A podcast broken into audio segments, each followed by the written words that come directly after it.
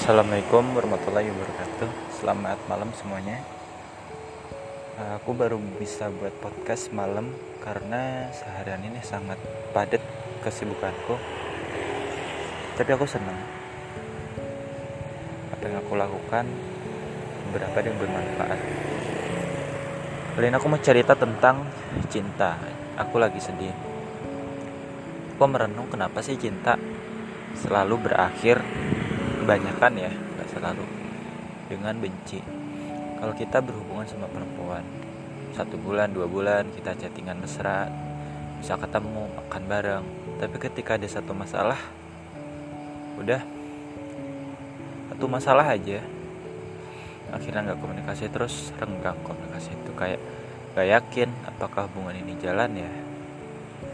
Terus saling benci hapus kontak saling blokir seolah kita udah nggak ada lagi di hidupnya gitu. Kenapa ya cinta seperti itu? Aku membandingkan dengan cinta seorang laki-laki dan perempuan yang menikah gitu. Mereka bisa ada yang awet sampai puluhan tahun. Sampai surga mungkin ya. Sampai punya anak. Anaknya cinta juga sama perempuan lain itu sangat hebat gitu. Cinta itu sesuatu yang sampai saat ini abstrak dan masih sulit untuk dipahami. Beda sama rumus kuliah ya. Kalau rumus kuliah itu kan dia jelas bisa diturunkan alurnya gimana cara dapatnya gimana.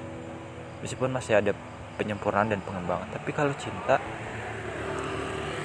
setiap orang punya pengalaman yang berbeda-beda kalau rumus itu kan satu jenis tapi digunakan banyak orang. Tapi kalau cinta setiap orang tuh beda-beda. Jadi kayak harus belajar terus belajar terus.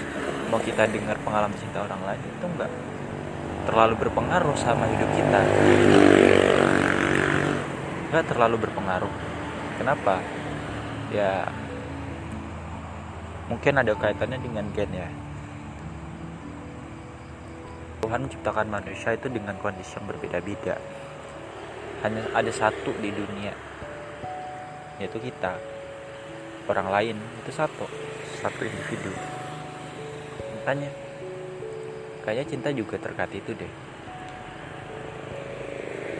Oh, mungkin karena Allah tuh uh, udah menciptakan kematian, kelahiran, rezeki, jodoh itu kan termasuk cinta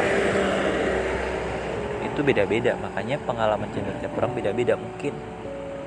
Ada kemiripan ya.